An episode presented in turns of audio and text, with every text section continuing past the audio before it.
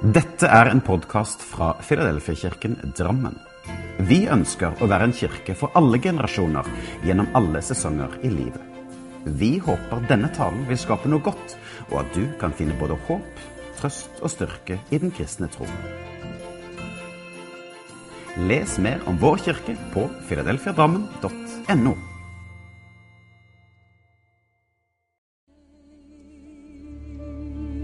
Vi kan ha ulik bagasje når vi kommer inn til gudstjeneste. Noen av oss kan kjenne på at det er noe tungt og vanskelig som man står i akkurat nå. Det kan være andre som kommer her som kjenner at det er relasjoner i deres liv som er blitt brutt, og som er vanskelig å stå i. Og kanskje noen er her inne som føler seg sliten, som kjenner at eh, livets realiteter eh, er harde om dagen. Og Derfor kan vi få lov til å synge da denne sangen her om at Gud, han er med. Hans nærvær er med oss i alle livets situasjoner. Og du skal vite at Gud, han er nær. Han vet om din sak. Han vet om hva du står i. Han kjenner deg og dine utfordringer. Så Herre, vi ber om at du skal komme med ditt nærvær, ditt svar, inn i våre utfordringer. Takk for at du bryr deg om alle sider av livet. Du bryr deg om når vi er små og svake i oss selv, og når utfordringene overskygger gleden. Da er du der. Så er du nær, til stede hos oss. Så vi synger en gang til.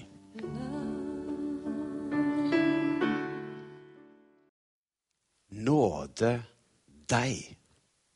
Nåde deg om du tør å si noe. Nåde deg om du bare prøver. Ja, nåde deg om du rører. Nåde deg Kanskje du har hørt de ordene før? Truende, nedsettende, harde ord som sier 'nåde deg'. I dag skal vi prate om nåde. Og hva dette nådebegrepet inneholder. Og jeg har kalt denne preken for billig nåde. Ikke billig nåde, men billig nåde. Vi skal til Efeserbrevet. Så har du med deg Bibelen, så kan du slå opp i Efeserne 2. Eller har du med deg Bibelapp, så kan du òg slå opp i Efeserne 2. Men litt om Efeserbrevet først. Det er slik at Paulus skrev til efeserne, altså menigheten i eh, Efesus, i eh, rundt 60 år etter Jesu fødsel. 30 år etter at Jesus sto opp igjen fra grava, sånn cirka. Og foruten Rom, eller Roma, så var Efesus en av de viktigste byene som Paulus besøkte. Fordi at Efesus den lå meget strategisk plassert. Det gikk to viktige handelsruter gjennom Efesus. Du hadde kystveien som gikk fra Troas, eh, fra Europa, og nedover eh, mot da Efesus, som vi har her, og da lenger ned mot Colosseum osv. Så, videre. så kystveien var det mange som eh, tok og eh, kjørte gjennom Efesus, men òg da handelsveien gjennom eh, lille Asia. Eh, langs med kameler og hester og karavaner osv. Og Efesus var òg ganske kjent fordi at i byen Efesus eh, så hadde vi òg et stort tempel til guden eh, Artemis. Eh, som fra antikken blir sett som en av de syv store underverk fra antikken. Så Efesus var en strategisk viktig by, og denne byen besøkte da Paulus ved sin andre misjonsreise.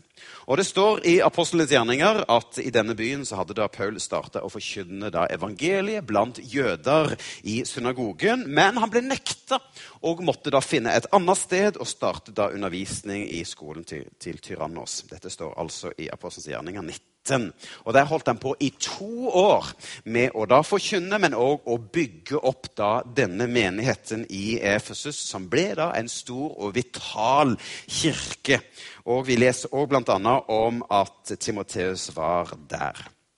Dette Efeserbrevet, som vi snart skal inn og lese, det er på en måte ikke helt likt alle de andre brevene. fordi dette brevet var et, sånn et omreisende brev som skulle sendes til menighetene i regionen Efesus. Så det var flere som skulle få lov til å høre disse eh, ordene. Og vi skal nå altså lese fra Efesene 2, 1-10. Og der står det Ved Kristi død ble dere gjort levende. For dere var jo døde i deres synder. Dere gjorde ikke Guds vilje, men levde i synd slik alle andre i denne verden, og lot dere friste av Han som er ond, og som vil at alle mennesker skal fokusere på sitt ego og være ulydige mot Gud. Før vi ble kjent med Jesus, så levde vi alle slik og gjorde det som tankene og lystene våre ville. Slik er menneskets natur. Ånden vår var død pga. synd. Men Gud er full av godhet for oss. Fordi han elsker oss så høyt, har han igjen gjort ånden vår levende, slik Jesus ble gjort levende etter sin død på korset. Gud frelser oss av bare nåde. Han setter oss sammen med Kristus. Og slik blir vi, sammen med ham, opphøyet til den himmelske verden. Slik vil mennesker til alle tider få kunne oppleve Guds overveldende godhet og rikdom på grunn av Jesus. Slik er frelsen en gave fra Gud, gitt av bare nåde. Frelsen kommer ikke ikke som et resultat av våre handlinger, men fordi vi tror at Gud gir oss den av bare nåde. Derfor kan ingen skryte av at de selv har gjort noe som helst for å bidra til sin frelse. Vi er skapt av Gud, og vi er Hans verk. Derfor er vi beredt til å gjøre gode gjerninger som Gud på forhånd har bestemt for oss, slik at vi skulle vandre i dem. Amen. Efeserne 2, 1-10.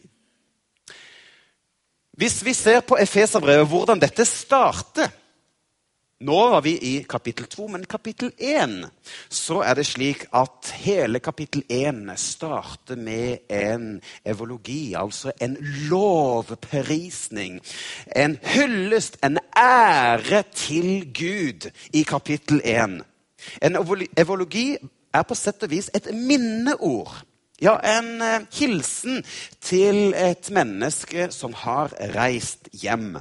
Altså, dette er velvalgte, opphøyede, velsmakende og ærefullte ord. Og det er dette Paulus starter med i kapittel 1. Bare hør på dette her. La oss lovprise Gud, vår Far, Han som også er vår Herre Jesu Kristi Far. Han ga oss Kristus. Da han ga oss Kristus, ble vi velsignet med de største velsignelsene som finnes både i himmelen og på jorden. Tenk at han hadde en plan! Ja, en plan han hadde lagt før jorden ble skapt.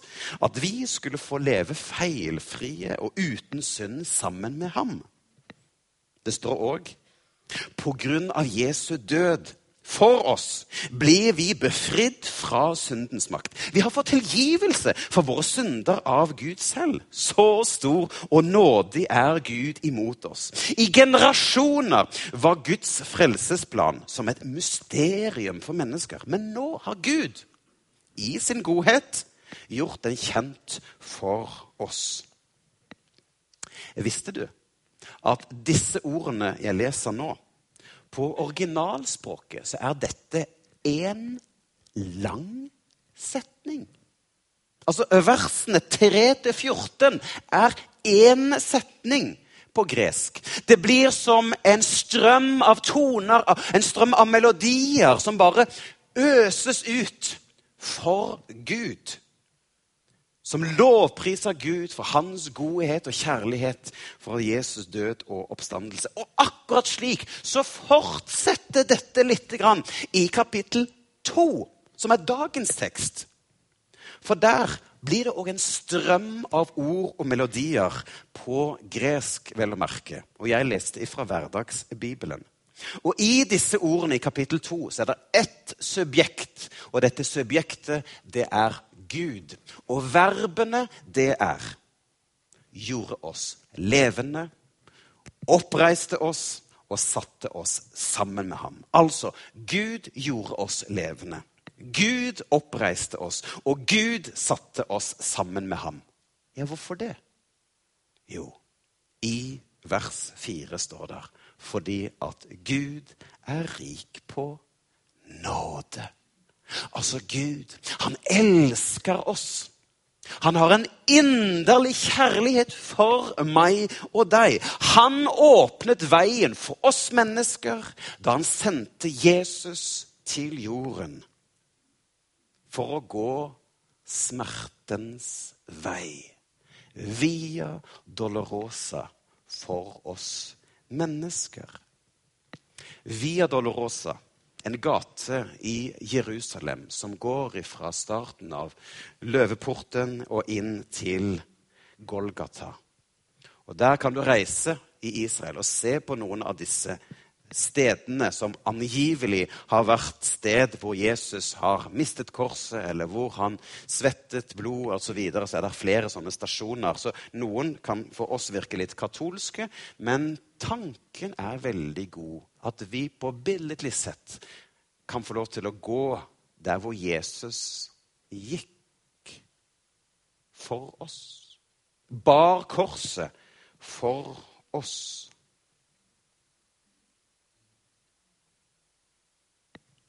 Så i vers fire har vi dette ordet 'men'. Jo, det starter med at vi mennesker vi er syndige. Vi har våre lyster og fristelser. Men Gud, dette ordet 'menn' skaper altså en før og et etter. Fordi at Gud har en himmelsk redningsaksjon for oss mennesker. Og vi klarer knapt skjønne bredden og dybden av dette. Det blir som en skamløs kjærlighet. Skamløs kjærlighet. Du skal få lov til å bli med meg til Det gamle testamentet, til en av profetene, en som het Hosea. Og vi skal tilbake 700 år før Kristus. Og Der husker vi David som konge. Som samler da riket, og eh, Salomo kommer etterpå. Men så vet vi at riket blir delt i Nordriket og i Sørriket. Og her virker altså Hosea. Hosea var en profet, en av de tolv små profetene som virket da sammen med Jesaja og Mika og Amos. Og han fikk litt av et oppdrag.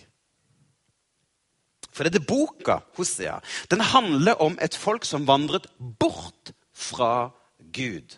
Og de trengte å høre om Guds rause kjærlighet. Og Derfor så får Hosea et oppdrag om å gifte seg med en kvinne som kom til å være utro mot ham.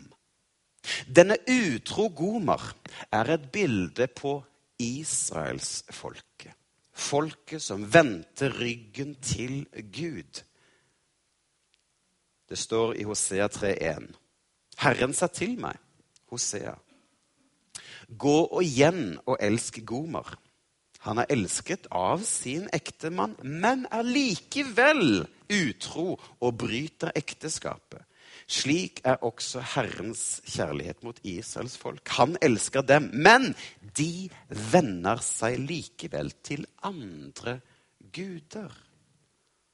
Og på den tiden, ja, kanskje i dag òg, så er det skamløst å kunne gifte seg med en prostituert. En skandale. Uhørt, usømmelig å gifte seg med en prostituert. Men Hosea fikk dette oppdraget for å vise Guds godhet. Men skjønner du hvor jeg vil? Hvis du hørte nøye etter hva jeg leste i starten, så minner dette nesten om det Paulus skriver. På sett og vis er vi mennesker som prostituerte, altså billedlig prostituert. For det står i versene 1-4 at vi levde slik alle sammen. At vi gjorde våre lyster og våre fristelser, og tankene var helt ville. Men så kommer da Gud med sin sjenerøse og nesten litt uhørte kjærlighet og sier tross at vi har syndet. Selv om vi har gjort elendige valg, så er Guds godhet like raus, like stor. Nåde. Jeg har kalt denne preken for billig nåde. Fordi du skal få lov til å bli med meg til en eh, teolog fra andre verdenskrig som jobbet i motstandskampen mot nazistene. En som het Didrich Bonhoeffer, som skrev en bok som heter 'Etterfølgelse'. Og han skriver dette, og hør hva han skriver. Billig nåde rettferdiggjør synden ikke synderen. Billig nåde er den nåden vi viser oss selv. Billig nåde forkynner tilgivelse uten omvendelse. Den er dåp uten omvendelse. Nattverd uten syndsbekjennelse. Billig nåde er den nåden uten etterfølgelse. Nåde uten kors, uten den levende Jesus Kristus, han som ble mennesker av kjøtt og blod. Billig nåde er altså å ta imot tilgivelse uten omvendelse, uten synserkjennelse, uten etterfølgelse, uten kors. Og dette er en farlig vei å gå. Billig nåde. For det er jo litt interessant å se at dette med synd og nåde har endret seg og gått litt i bølgedaler eller pendler gjennom tidene. Går vi da 50 eller 70 eller 100 år tilbake i tid, så var det loven som var den sterkeste. Du skal ikke, du skal ikke, og nåde deg dersom du rører. Mange her kan huske tilbake på at det var ikke lov å gå på kino. Det var ikke lov å gå med bukser. Det var ikke lov til å danse. Ikke, og så var det en lang rekke med 'du skal ikke, du skal ikke, du skal ikke'. Så virker det som om at nåden ble så liten. Og så kan det òg nå se ut som at pendelen går helt til den andre siden, der man sier at alt er bare nåde. Ja, ja, ja, ja. Alt er bare nåde. Vi kan bare fortsette som før, for det, alt er bare nåde. Og så er det en pendel som går langt uti her. som kalles for hypergrace. Hypernåde. Ordet hyper det betyr ekstra mye. At dette overmåte mye nåde, altså hypergrace, handler om en ny bølge som kommer, som hevder at all synd, både den som er gjort, og den som kommer til å bli gjort, allerede er tilgitt. Så derfor så trenger jeg ikke be om tilgivelse. Nei. Jeg trenger heller ikke å bekjenne noen ting, fordi at alt er av nåde. Alt er tilgitt. Fordi at Gud ser på meg som hellig og som er ren i alt det Jesus har gjort for oss. Så hypergrace snakker ikke om synd i det hele tatt. Nevner heller ikke ofte Det gamle testamentet. For alt er bare nåde. Men jeg er ikke enig. Jeg tenker at vi må ha et sunt forhold til synd og nåde. Fordi Bibelen sier at nåden kom fordi synden var stor. Så derfor tør jeg å snakke om synd. Det finnes noe som Gud setter, som han ønsker at vi mennesker skal følge. Når vi bryter hans vilje for våre liv, så tenker jeg det er synd.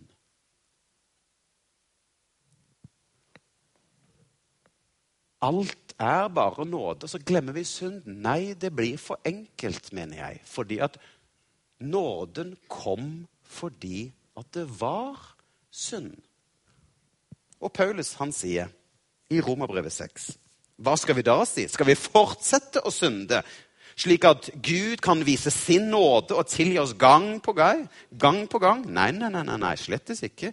Vi kan ikke på den ene siden ha Jesus som herre og ta imot tilgivelsen gjennom hans død, og samtidig ukritisk fortsette å gjøre ting som vi vet er galt. Og i Romerbrevet 5 men der synden ble stor, ble Guds nåde enda større slik som synden herjet med mennesker og førte til død, slik skal også nåden herske og gi evig liv ved Jesus. Så jeg tenker vi skal snakke om at Gud sier at noe er synd, men nåden er likevel større. Det skal ikke bare være lov og lite nåde. Det skal heller ikke bare være nåde og ingenting synd. Her må det være balanse i dette, men nåden må likevel være størst. Nåden må likevel være størst. For et Bonhoffer han bruker det motsatte begrepet òg, der hvor han kaller det for dyr nåde. Og det hjelper oss til å skjønne litt mer av både bredden og dybden i det Jesus gjorde på korset. For han sier nåden, den er dyr fordi den kostet et menneske livet. Den er nåde fordi det er først slik den gir et menneske liv. Den er dyr fordi den fordømmer synden. Men nåde fordi den rettferdiggjør synderen. Framfor alt er nåden dyr, fordi den kostet Gud dyrt. Fordi den kostet hans sønns liv. Det er kjøpt, og prisen er betalt. Og fordi det som er dyrebart for Gud, ikke kan være billig for oss. Dyr nåde er at Gud ble menneske. Så la oss derfor ikke gå vill i dette.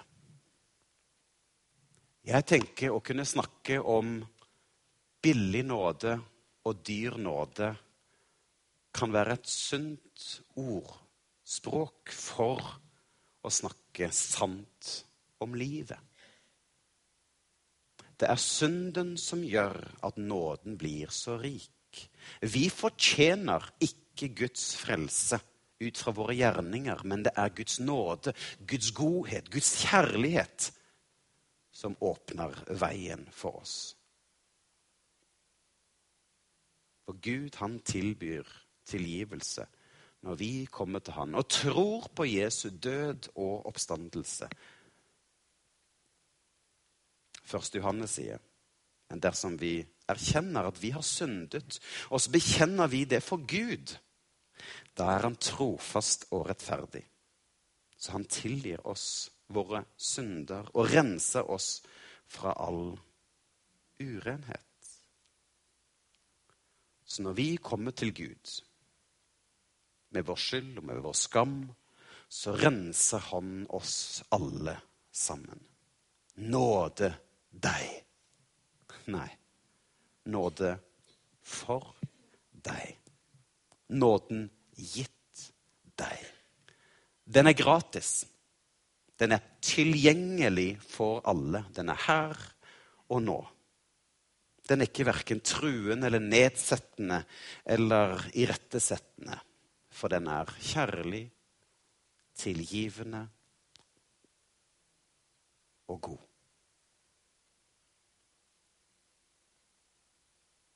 Amen.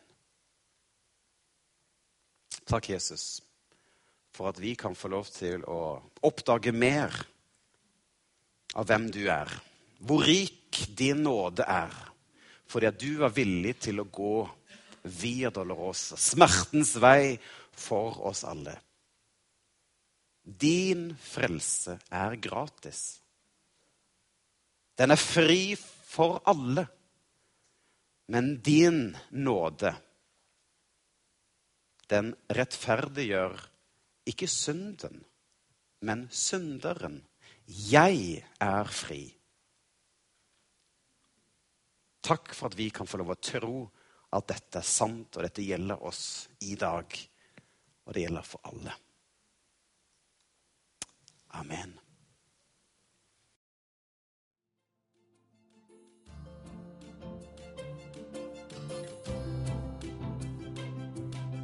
Som en avslutning på denne podkasten ønsker vi å lyse Herrens velsignelse over deg. Herren velsigne deg og bevare deg. Herren la sitt ansikt lyse over deg og være deg nådig. Herren løfte sitt åsyn på deg og gi deg fred.